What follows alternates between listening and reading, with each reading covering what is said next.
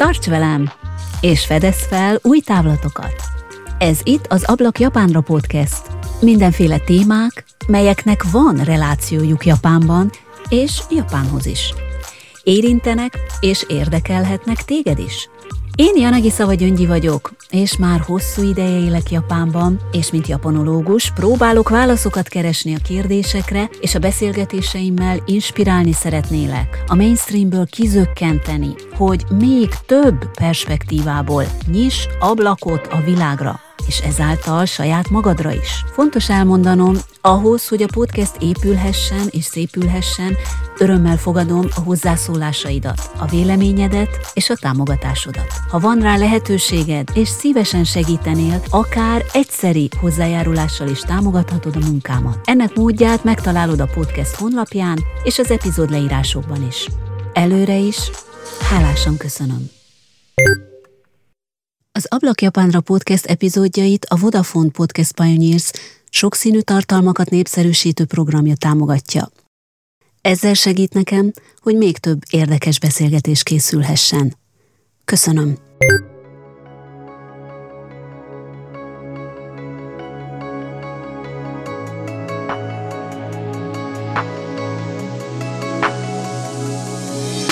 Örülök, hogy ma is találkozhatunk. Köszöntelek, kedves hallgatóm! Folytatódik a beszélgetés Nagao Harukaszán hegedűművésszel, és az elkövetkező beszélgetésünkben kicsit belemegyünk mélyebben a nyugati klasszikus zene és a japán zene sajátos világába is. Én nem vagyok zenész, nem értek az összhangzattanhoz, az akkordokhoz, a szabályokhoz. Igazából csak a két fülemmel hallgatom a zenét, és ami megfog és elvarázsol, arra odafigyelek. És hogy mi varázsol el, Hát, ez egy érdekes kérdés. Egyébként téged, kedves hallgatóm, milyen zene köt le? Milyen stílust szeretsz? Bármi legyen is az, valószínűleg nem vagy a hagyományos japán zene rajongója. Ha most bakot lőttem volna, akkor bocsásd meg nekem, kérlek. Ha szereted a rockzenét, az elektromos gitárt, akkor talán Marty Friedman neve nem cseng ismeretlenül a számodra de ha mégsem, akkor se verd a falba a fejed. A jelenleg is Japánban élő Friedman egy híres amerikai származású gitáros, aki nem csak Japánban ismert és népszerű, hanem a földkerekség egyéb részein is. De talán Európában nem annyira. Friedman tinédzser volt, amikor épp az amerikai fennhatóságú Hawaii szigetén autókázott, és bekapcsolta a rádiót, ami fogta a japán adások egy részét is. Friedman akkor már egy jókezű gitáros volt, aki azon törte a fejét, hogy hogyan tudna valami újat mutatni a gitárjátékával, hogy hogyan tudna tovább fejlődni és valami egyedit létrehozni.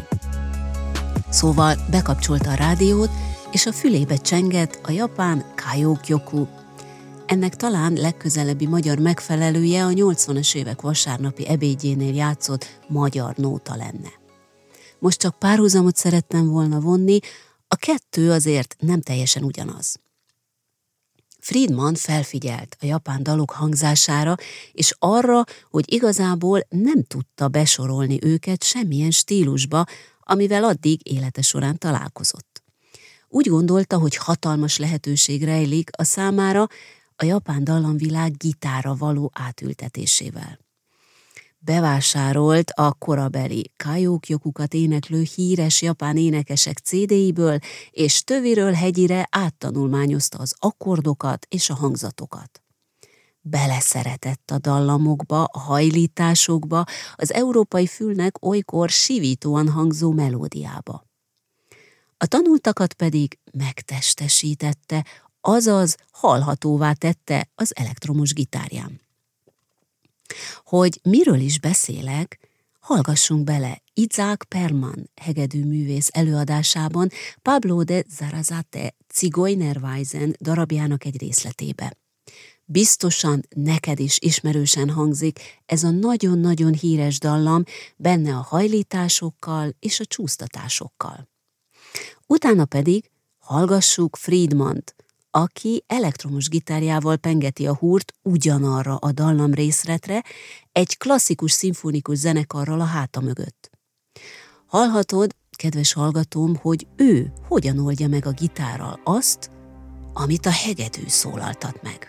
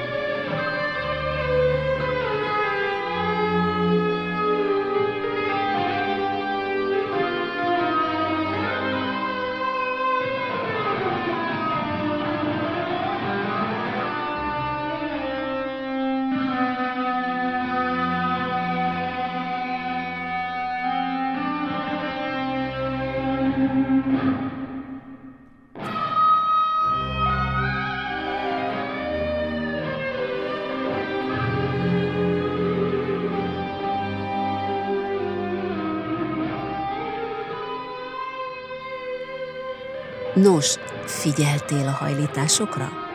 Nem lehet persze mindent visszaadni a gitáron, de Friedman különlegesen kiváló technikájával sokkal többet ki tud hozni az elektromos gitárból, mint amit megszokhattunk.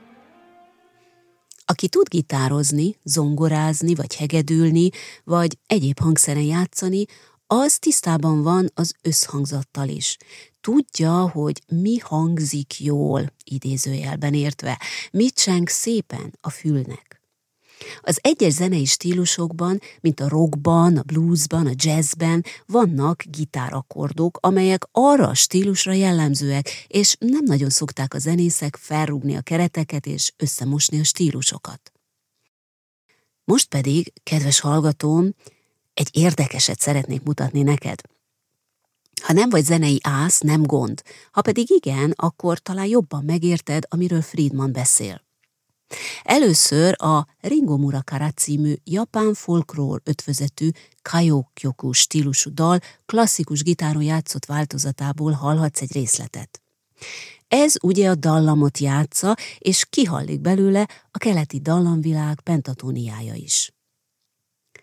A 70-es évek japán popzenéjének egy felejthetetlen együttese volt a Candies. Három női énekes, akiket gyakran tartanak ma a jelenkor japán J-pop lánycsoportok kiinduló pontjának. Nos, a Candies egyik legpopulárisabb slágerének a nyitó gitár felvezetője, illetve a dal közepén is hallható átvezetés Friedman szerint a Ringo Murakara című dal akkordjait idézik. Friedman elmondja azt is, hogy ez a gitárszóló egy amerikai gitárostól elképzelhetetlen lett volna, mert egyszerűen nem követi a szabályokat, és besorolhatatlan. Szóval akkor először a Ringo Murakami.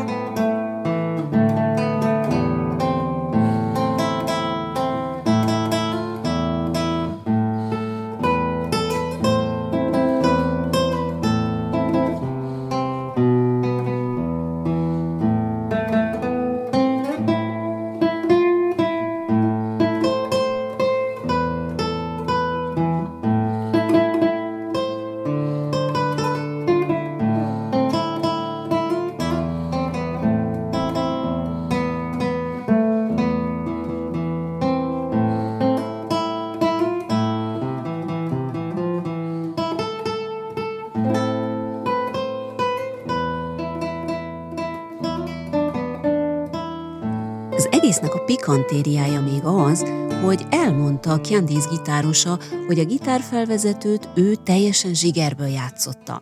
Mivel a dal kottájában csak annyi állt, hogy fill in, azaz töltsd ki, ha úgy jónak látod.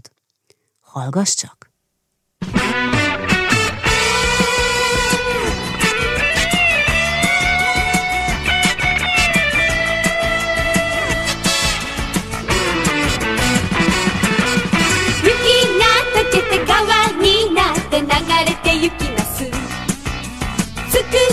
の子が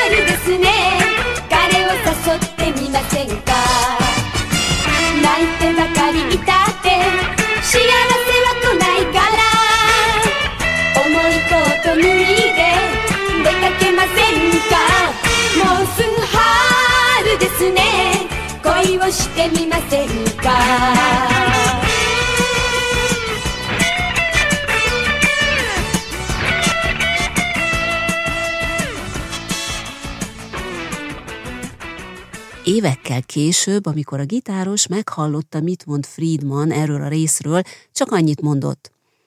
Igen, lehet benne valami. Na hát, Marti hogy kihallotta? Pedig nem volt tudatos a részemről. Hát, ugye én még a Ringo Murakara dalon nőttem fel. És te, kedves hallgatóm, te kihallottad? Ha nem igazán, akkor ne keseregj. A lényeg, hogy a japán zene képes arra, hogy megfeleljen a nyugati elvárásnak, ugyanakkor megtartsa az ősi egzotikus dallamvilágát. A stílusokat a saját kedve szerint mixeli, amiből egy egyedit és megismételhetetlen tud létrehozni. Ezt a klasszikus zene nem tudja megismételni, mert talán jó értelemben be van zárva a nyugati zeneszerzők által megalkotott kalodába. A Haruka Szánnal folytatott beszélgetésben én azt mondtam, hogy az európai fülnek olykor zavaró a japán zene hangzása, mert más kritériumokat követ, mint amihez a nyugati ember füle hozzászokott. Magamban nézek most egy kicsit, és el szeretném mondani, hogy bizony nem a japán zenével van a baj, hanem az európai füllel. Nekünk kell megismerni, nekünk kell ablakot nyitni a japán zenére, ami semmivel sem kevesebb, mint a mi zenénk, vagy a klasszikus zene. Csak más. És ami más, az nem alacsonyabb, sőt, nekünk kell tanulni belőle. Végül pedig hadd mutassak egy rokkosított, tradicionális japán dalocskát, samisennel, citerával, furujával, dobbal, és persze elektromos gitárral vegyítve. Amikor először hallottam, bevallom, az volt az első gondolatom, hogy a dalsor végén az énekesnő által kitartott hangnak valahogy feljebb vagy lejjebb kellene lennie. Aztán többszöri hallgatás után már fel sem tűnt. És te hogy gondolod, kedves hallgatom?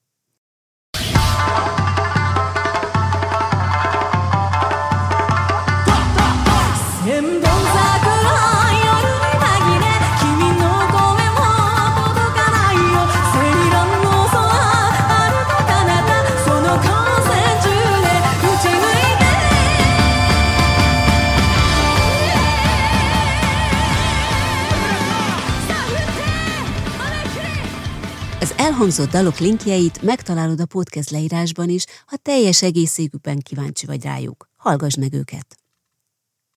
És most visszatérve Nagao Harukaszán hegedű művészhez. Kedves hallgatóm, ha nem hallottad volna az első részt, hallgass meg feltétlen, így lesz teljes a képed. A podcast leírásban megtalálod ehhez is a linket. És most pedig Következzen a folytatás. Aki az ablakot kinyitja, mint mindig, Janagi Szava Gyöngyi, és aki folytatva az első beszélgetést, ma is ezen az ablakon benéz, Nagao Harukaszán, hegedű és brácsaművész, zenekari művész és szólista, koncertmester és a Liszt Ferenc Zeneművészeti Egyetem hegedű tanára. A külföldieknek mit ajánl, vagy ön hogyan gondolja, hogy hogyan kellene japán zenét hallgatni? Mármint itt nem a popra Igen. gondolok, hanem, hanem minden, ami japán zene. Mert hogy ö, annyira más, legalábbis nekem, ezt most arra mondom, hogy én nem vagyok zenész, meg egyáltalán, csak ugye aki a, az európai zenén nevelkedett, nekem megmondom őszintén például itt a, az újévi időszakban szoktak ugye ilyen hagyományos japán zenét a boltokban játszani, és amikor ugye az ember bemegy, és akkor egy ilyen, ugye ez a hakcsi, nem tudom ezeknek a sípoknak a pontos nevét, ugye furujáznak, és akkor ez a dallam, tehát amikor ugye az ember úgy megszokná, hogy vagy akármi jönne, akkor véletlen sem az dallam jön oda, hanem nem tudom, között. Tehát, hogy mintha úgy elcsúszna az egész. Tehát nekem így hallatszik. Most tényleg nem akarok ezzel senkit megbántani, ez az én saját véleményem, de másoktól is hallottam már egyébként, mert aki ezen nevelkedett, tehát az európai zenén nevelkedett, annak másképp kell hozzáállni ehhez a zenéhez. Igen. És ezzel én nem a japán zenét akarom minősíteni, hanem csak magamat, hogy hogyan kell hozzáállnom, hogy én ezt tudjam élvezni. Ez, értem. Mert klasszikus zenének van intonáció, szép intonáció, és ahhoz képest japán zené kicsit hamis. Jó, akkor nem vagyok egyedül, igen. De Szerintem nincs szabály a japán zene hallgatására se. Nem kell erőre tudni valamit, és csak hagyni kell, hogy, hogy elmenjen az ember füle mellett, Igen, ugye? szerintem igen, és ezt lehet elvezni, vagy lehet meglepődni, tehát azért, mert más, az nem azt jelenti, hogy, hogy rossz, nyilván, csak én arra lettem volna kíváncsi, hogy van esetleg valami háttér, tudás, vagy van valami olyan módszer, hogy ja, hát ha így hallgatja az ember, akkor egészen másképp hangzik talán. Ezért itt a koncertek, ugye rengeteg koncerten, rengeteg versenyen vesz részt és bizonyára már ö, olyan más művészekkel ö, is koncertezett együtt, akik az ön példaképei, vagy akikre felnéz. Mennyire izgul így egy ilyen koncerten, koncert előtt, főleg akkor, ha mondjuk egy olyan zenész van, hogy jó, hát eljött a pillanat, hogy mi együtt koncertezhetünk. De nagyon szeretek eh, valaki másokkal játszani, így nem izgulok, amikor másokkal játszom, Inkább jobban izgulok, amikor egyedül, teljesen egyedül kell játszani. Tehát akkor a szóló, a szóló dolog az, a, amikor ugye nagyon izgul. És ezt az izgalmat hogyan kontrollálja? De amikor kezdek játszani, akkor már lehet más virágba menni, mint, mint zen vagy, nem tudom, joga vagy, nem tudom. Nem ott helyszínen vagyok. Szóval akkor már elfelejtek izgulást de igazából akkor előtte izgul egy kicsit, de ahogy kilép a színpadra, akkor belép a, ebbe a saját világába, és akkor már ott nem is látja, hogy mennyien vannak, kik vannak, hanem akkor tényleg már csak a játéknak igen, él. Igen. Erre egyébként van valami technika? Mert rengeteg ember van, aki küzd azzal, hogy ugye emberek előtt beszélni például, amit elő kell adni valamit, és annyira izgul, hogy ugye ezt nagyon nehezen tudja kontrollálni. Ezt csak azért kérdezem, hogy van-e esetleg valami technika, amit, amit ajánlana? Hogy mondjuk gyerekkorában például mit csinált, meg gondolom azért gyerekkorában izgult jobban, nem? Inkább eh, szerintem Először izgultam, ez talán, talán 18 éves vagy. Amikor nagy versenyen megnyertem, az után Utána izgult, nem előtte, hanem utána. Előtte. De el... miért? Utána izgult? Akkor már miért izgult? Nem tudom, talán, mert talán így gondoltam, hogy mindenki úgy látja engem, hogy ő megnyerte ezt a versenyt. Hogy ön, ön meg akart felelni már annak az elvárásnak, hogy a többiek azt mondják, vagy azt látják, hogy na ez az ember, aki ezt a versenyt megnyerte, igen, ugye? Igen, ha jól igen. értem. talán ez a pleasure volt. Voltak esetleg így emlékezetes koncertek, vagy fellépések, amire, amire szívesen emlékszik? Sok jó koncert, jó emlékem van. Például, ha egyet mondok, a 2018-ban, amikor a Magyar Állami Operaház turnézott New Yorkban, volt szerencsém a hegedű versenyi szólót játszani a Carnegie Hallban. A Carnegie Hall az tényleg mindenki akar játszani ott, és nem is lehet játszani. És olyan helyszínen tudtam játszani szólistaként. Történelm és auraja nagyon különleges volt, és mivel Magyar Állami Operaház turné, szóval kollégáimmal együtt tudtam játszani, ez nagyon-nagyon csodálatos elmenni volt. És ráadásul akkori koncertmester most a, a férjem volt.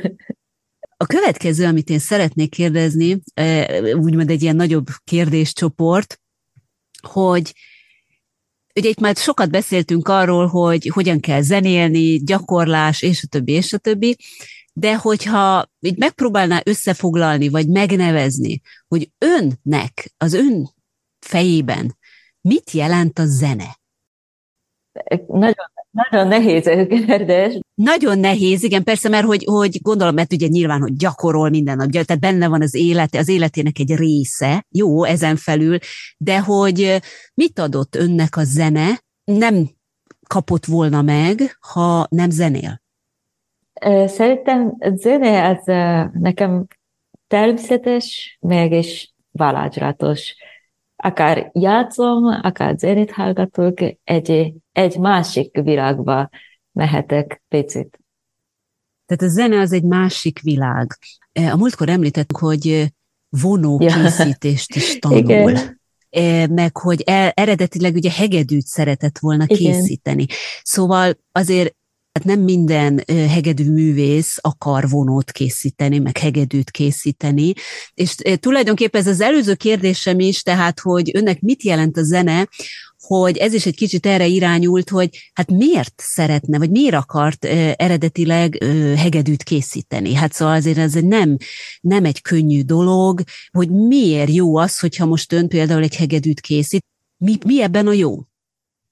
Igen, hegedősök hegedülnek, de nem, nem javít, javíthatunk, vagy nem készítnek saját hangszeret, ez normális, és elmegyünk a hangszerészhez, és javít, javítás vagy beállítást kérünk, de en, nekem kicsit ez mindig szomorú volt, hogy nagyon keveset tudok a hegedőről, persze hegedő, mi, mi a szisztéma, nem tudom, ez, ezok tudom, de mint, mint partner, és mindig is szerettem volna többet megtanulni, még megtudni a hegedőről, és akartam meg picit javítani, mint orvos. Hát, hát kicsit más, mint mindig, de nem tudom, mi történet. Ez egy kicsit szomorú volt és mivel enne egy győri vonókészítő Kovács Tibor vonót használok, és egy nap elmondtam ez a szomorúság, szomorú érzésemet Tibornak, és felajánlotta. Megtanítja a vonókészítés. És nehéz vonót készíteni nagyon, egyébként? Nagyon nehéz volt. Nagyon nehéz volt, és minden kézzel dolgozni nagyon sokáig tart. És persze ennél Budapesten lakom, és egy-kétszer járok havonta Budapestről Győrbe tanulni, és én nagyon, nagyon lassú volt, de mindig, mindig nagyon elvesztem, hogy egy, egy vagy két nap teljesen más, mint zenélni, hanem fá, fát vágom, vagy tisztítom fát, fával dolgozni, nagyon jó volt. És ez is érdekes érzés volt, mint, mint varázspálcát csinál, csinálok. Olyan érzés volt. ez azért érdekes most, amit mond, nekem az jutott erről eszembe, hogy ugye Japánban is a, nem csak a hagyományos művészeteknél, hanem máskor is, más esetekben is ez az együvé válás a tárgyal, amit készítünk. Tehát, hogy ez a gondolatmenet, az, hogy megismerjük azt, amivel dolgozunk, ami az eszközünk arra, hogy valamit kifejezzünk.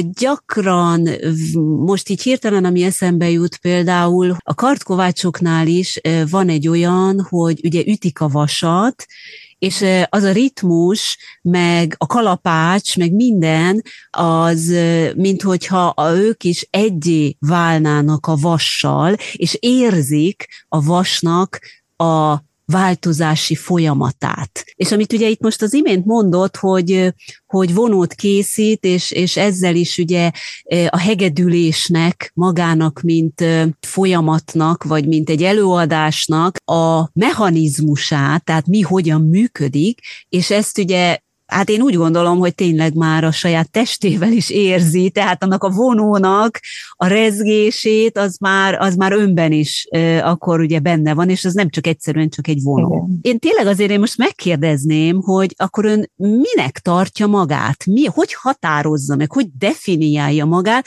mert most már tudjuk, hogy vonót is készít, meg ugye hegedűművész is, meg Brácsa művész, ugye szólista is, és hát itt, itt van ez a koncertmester, illetve hát, hogy koncertművész, most nem tudom melyik a megfelelőbb szó, hogy mit csinál egy koncertmester, mert egy laikus, bevalljuk én sem tudom, hogy mit csinál egy koncertmester, és mi, melyik a helyes, a koncertmester, vagy a koncert, koncertművész? A koncertmester és akkor mit csinál egy koncertmester? A koncertmester a, mondjuk a legfontosabb vezető a zenekárban, és ugy, ugyanolyan fontos, vagy néha még fontosabb, mint a karmester. És akkor mi a különbség a karmester és a koncertmester között? Karmester mindenki előtt áll, és vezényel. igen, vezényel, és a koncertmester kármestertől kapott zen, zenei információt, mozgással és előadásmóddal továbbít többieknek. Pillanat. Tehát akkor a karmester önnel beszél, Igen. hogy ő hogyan képzeli el, ha jól értem, és ön továbbítja ezt a zenekarnak? A, kicsit más. Kármester mozgással mutatja, milyen a tempó, milyen a, a mód, és koncertmester ugyanolyan kapok információt, mint többiek, de ha mindenki figyel a koncertmestert, mert mindenki ugyanaz információt látja, de kicsit máshogy megérti az infót. De koncertmester, ha, hogy mondják, nagyon nehéz. Itt japánul is mondhatja, ha gondolja.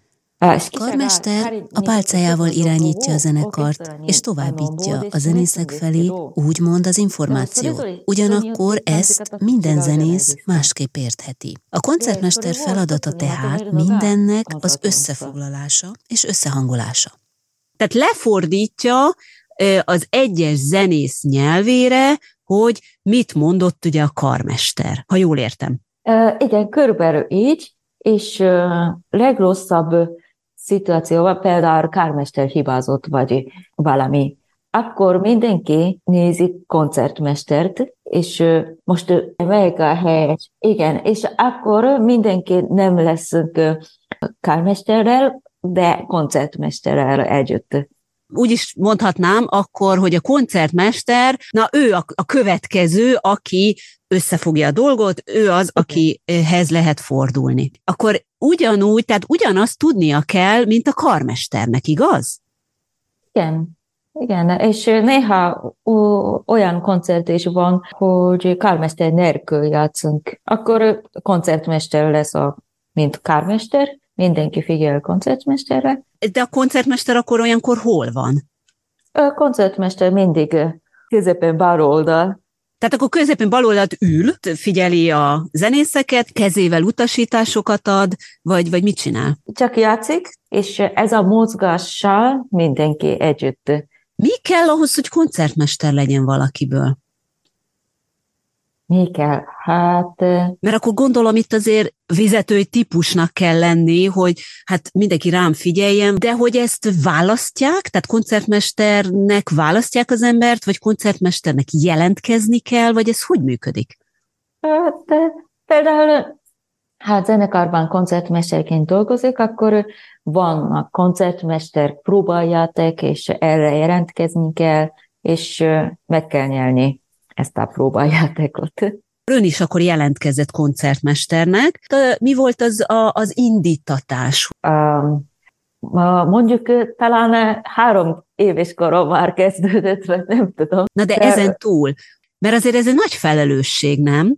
Igen, de őszintén nem gondoltam zenekarban dolgozni. Amikor uh, 2015-ben jöttem Magyarországon, és 16-ban volt ez a koncertmesteri próbajáték operában, és tényleg nem gondoltam zenekarban játszani, de akkori a zenekari igazgató már volt koncertem, nem? és meghallgattak. Emlékezett engem, és élt egy évet, van, van koncertmester próbáljáték, és jöjjön próbáljátékra. Tehát akkor hívta? Igen, és eddig nem voltam olyan próbáljáték szituációban, és csak kíváncsi voltam, milyen a próbáljáték, és nem is gondoltam, megnyelek, de úgyis jó, jó elmenni lesz és mentem, és gondoltam, valakit, valaki előtte biztos játszani fog, és nézzük, mit kell csinálnom, és e voltam az első. Akkor tudatosult, hogy hát ön, önt, önt nézik a többiek, és nem, nem önnek kell valakit nézni. Na most ilyenkor minden egyes zenekarnál ezt a próbajátékot ahhoz, hogy koncertmester lehessen, meg kell csinálni, vagy egyszer csinál egy ilyen próbajátékot, kinevezik koncertmesternek, ez, ez így működik? Uh, nem, minden külön, külön próbajáték van, és például uh, mindjárt lesz a, Magyar Rádiózenekarban koncertmester próbajáték, erre tehát talán sokan jelent, jelentkeznek, koncertművészként, hát hogy számos zenekarral eh, dolgozott együtt, mint például ugye a Tokyo olyan szimfonikus és filharmonikus zenekar, a Sendai filharmonikus zenekar, új japán filharmónia, Yamagata szimfonikus zenekar, tehát ezek ugye a japán része, de ott van a francia rádiófilharmonikus zenekar, az Omahai szimfonikus zenekar, ugye Amerika lenne, és az Örményország állami kamarazenekar. Na most ezen az Örményországon úgy megakadt a szemem, hogy hát hogy, hogy most oda el kellett menni Örményországba? Vagy ők jöttek ide Európába? Igen, ők jöttek.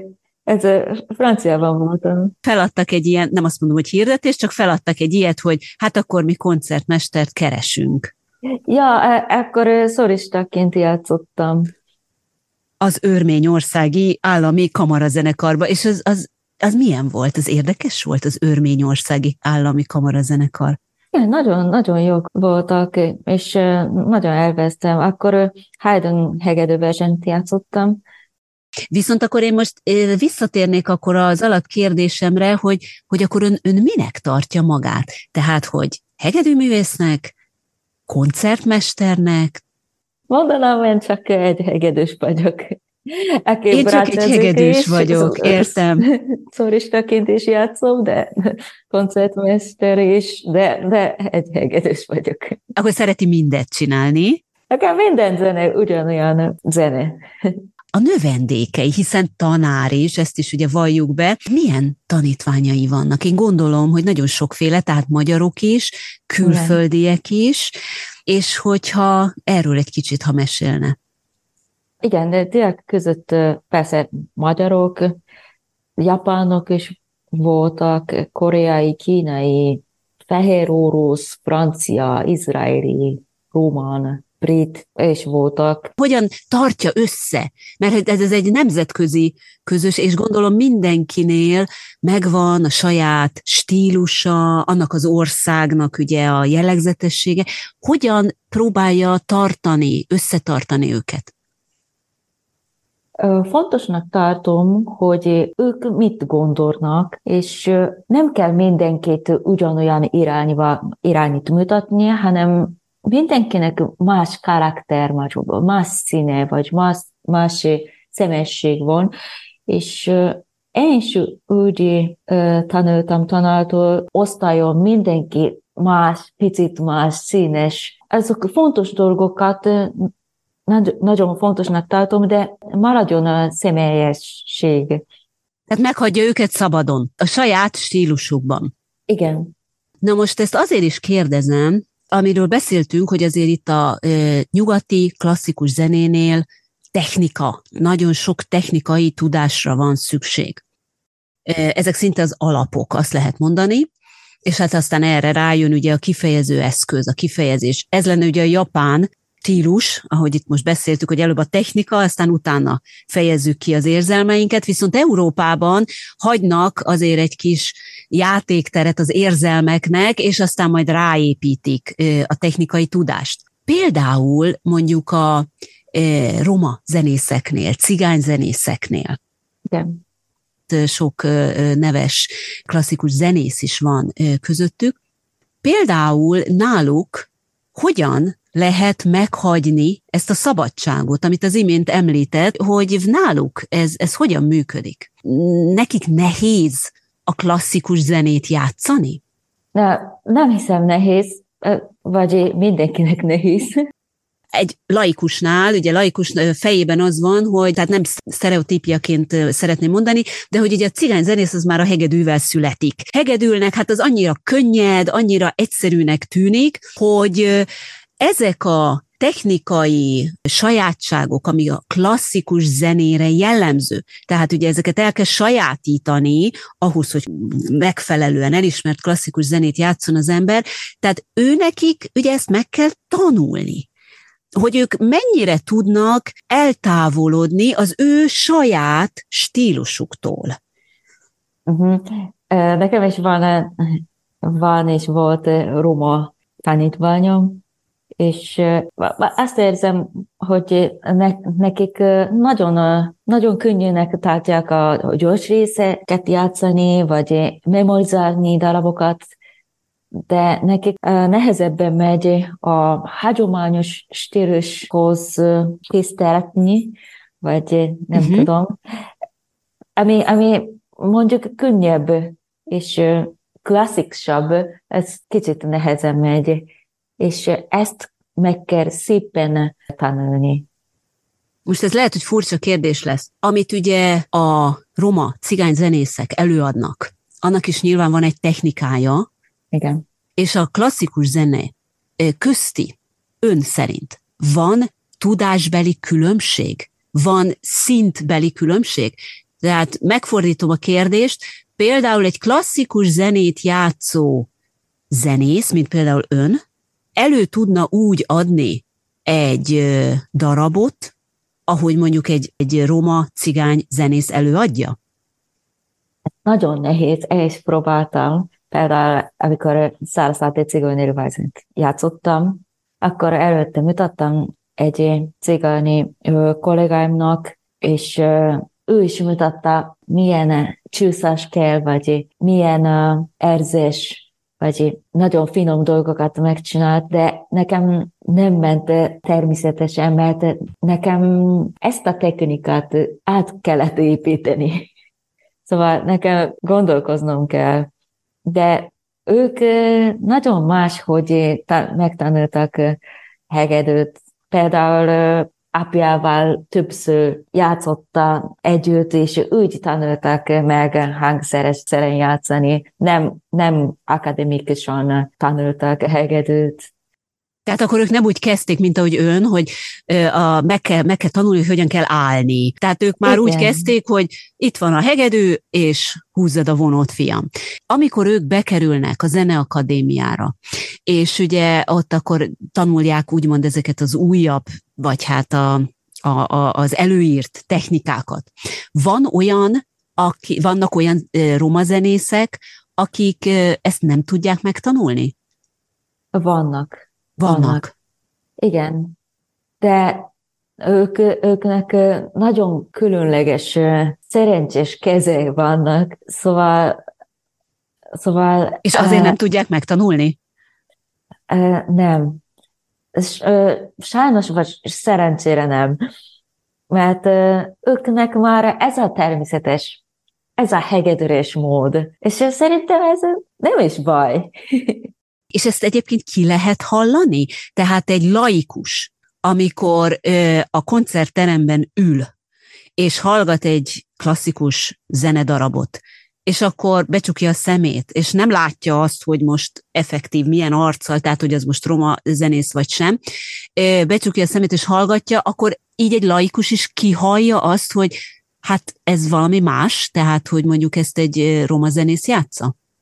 Lehet világosan eltenni, de valaki, ki nagyon szépen megtanulja a klasszik stílusát, akkor nem lehet hallani, le, lehet hagyományos klasszik zeneként hallatszik, de nekem világos, amikor, amikor...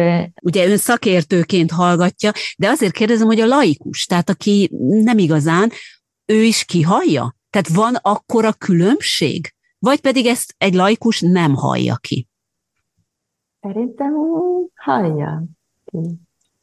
Talán mégis egy szóval, vagy hogy mi az, amiben más?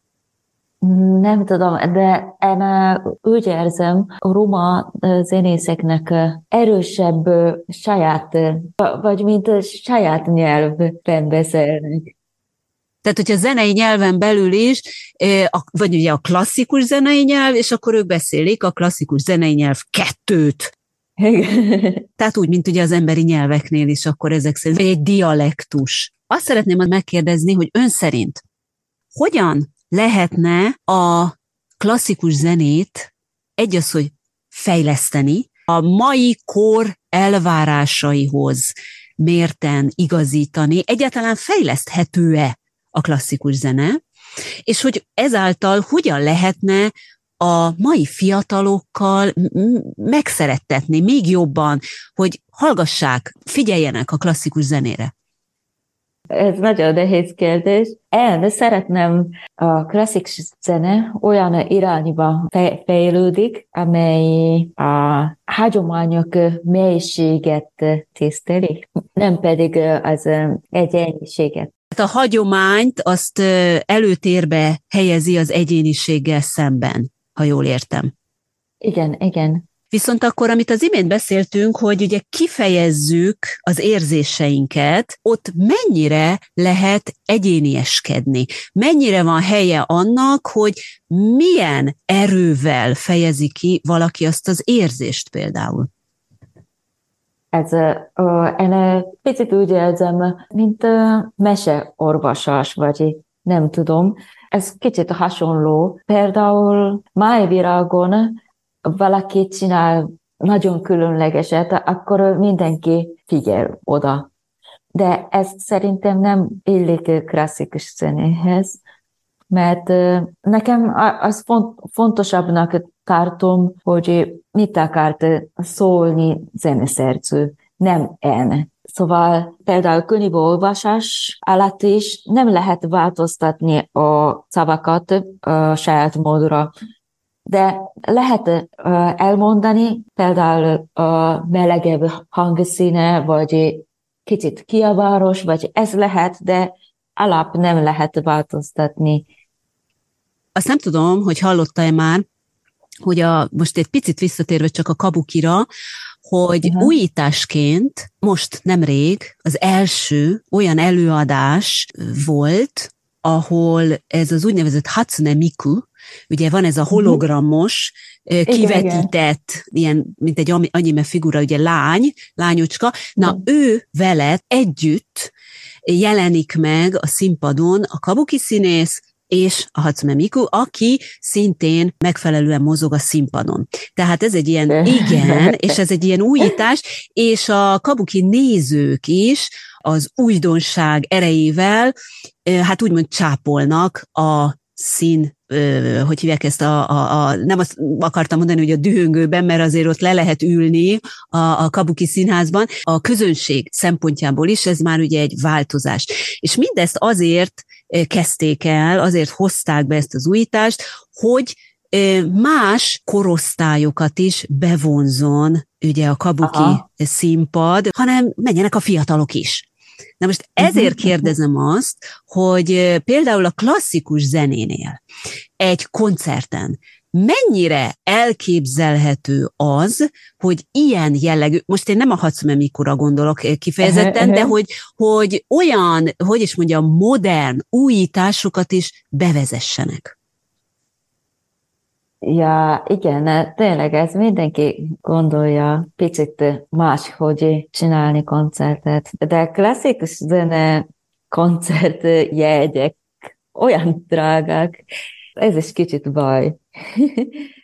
Hát Japánban drágák, igen. Azért Európában nem annyira drágák. Hát jó, most nyilván feljebb mentek már az árak Európában is, de azért Japánhoz képest még mindig azért olcsóbbak és sokkal könnyebben elérhetőek. Tehát ez mind azért lehetőséget adna arra, hogy, hogy más közönséget is meghódíthasson a, a zene így. Tehát én ezt csak azért kérdezem, hogy hogy, hogy látja, lehetősége van-e, vagy önnek is akár vannak-e olyan gondolatai, hogy mondjuk a fiataloknak, lásd J-pop, meg mindenféle sztárokat követnek inkább, mint hogy a például ugye a japán klasszikus zeneművészeket, tehát hogy lehetne valami olyat behozni, újdonságot, ami nem változtat a kottán, de mégis az előadásmód a bevinni újításokat. Ezt ön mennyire tolerálja? Hát nem akarok gondolni, hogy ezért csinálok, mert több embernek akarok eladni, vagy valami ilyesmi. Lehet, kicsit rég módon gondolkodom, de aki akár például zenekari koncertet meghallgatni, ők jönnek, és nekik játszunk. Akkor nem a piacnak játszik, nem, nem arra törekszik, hogy, hogy minél többen, hanem akik érdeklődnek ebben a formában, akkor meg fogják hallgatni. De most YouTube-on is többen próbálkoznak új érdekes videókat csinálni, klasszikus zenével is, és fiatal generáció és olyan videókat csinálják. Picit más fan is vannak, Szóval szerintem így lehet klasszikus zenet, nem csak olyan, aki erre akar szeretni jönni, vagy hogy mondjak, nem csak core fan, uh-huh hanem... Lehet fejleszteni. Igen, igen, új. Újdonságokat belevinni. Igen, igen, igen, ez így van. Utolsó kérdésem. Az ön további céljai?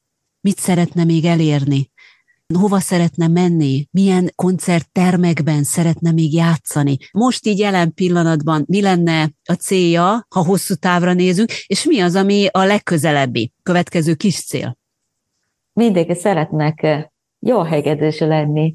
Csak úgy gondoltam, és továbbra is jó hegedűs szeretnek lenni, és jó felesége akarok lenni, és hát további kis cél, akkor nagyon új dolog, jó anya anya is szeretne lenni. Igen, mert hogy azért ezt is mondjuk el, hogy, hogy nagyon, azért is nagyon-nagyon köszönöm, hogy elfogadta a meghívásomat, mert hogy hamarosan megszületik ugye a kisbabája, és most már itt az utolsó napokban vagyunk, hogy, hogy itt izgultunk, hogy egyáltalán ugye fel tudjuk venni Igen. ezt a beszélgetést, tehát, hogy így van, anyai örömök elé is néz. Azért ezt gyorsan hadd kérdezzem meg, hogy és zenész, zenész lesz majd a kisbaba? Ez majd ő dönti el. Ő dönti el, és hát ugye Igen. azt is mondta, hogy a férje, ő is ugye koncertmester volt, tehát ő is zenész. Mennyire dolgoznak Igen. össze? Mennyire segítik egymást zenészként? Arra igyekszünk, hogy legyen egy csapat, és mindig sok mindenről beszélünk, a házi munka, kaja, zené, munkahely, nem tudom, napi rend, rend, vagy beosztás, és mindig próbálunk segíteni egymást. Rendszerekben gondolkodnak, ugye rendszerekben, és hogy, hogy összedolgoznak, hát mert egyébként másképp ugye nem lehet, nem működik a dolog. A leges legutolsó kérdésem, mint ahogy ezt mindig megkérdezem minden vendégtől, hogy amikor Japánra gondol, akkor milyen szín jut az eszébe? Ezt kicsit gondoltam, és végül a zöldet választottam, ami nekem a tia színe, és szülővárosom Kakegawa természete. Ugye ez a japánul, ez a wakagusairo lenne. Ja, igen, igen. A, a zöld teja és a, és a, a fű, Érdekes ez a zöld szín valóban, nagyon-nagyon szépen köszönöm ezt a beszélgetést, az idejét, és még egyszer nem győzöm kihangsúlyozni azt, hogy így ebben a helyzetben, tehát amikor tényleg már, már percre ki van számolva, hogy, hogy mikor születik meg a baba, akkor is igent mondott, és hogy sikerült nekünk ma felvenni ezt a beszélgetést, mikor már a hallgatók ezt hallják, hallgatják, akkor, akkor már ö, ott lesz a kezében a baba. Nagyon szépen köszönöm még egyszer, és mindazt a gondolatot, amit ma most megosztott velem és a hallgatókkal a zenélésről, és nem csak a zenélésről, hanem úgy általában az élet felfogásáról. Még egyszer nagyon-nagyon szépen köszönöm. Nagyon szépen köszönöm én is.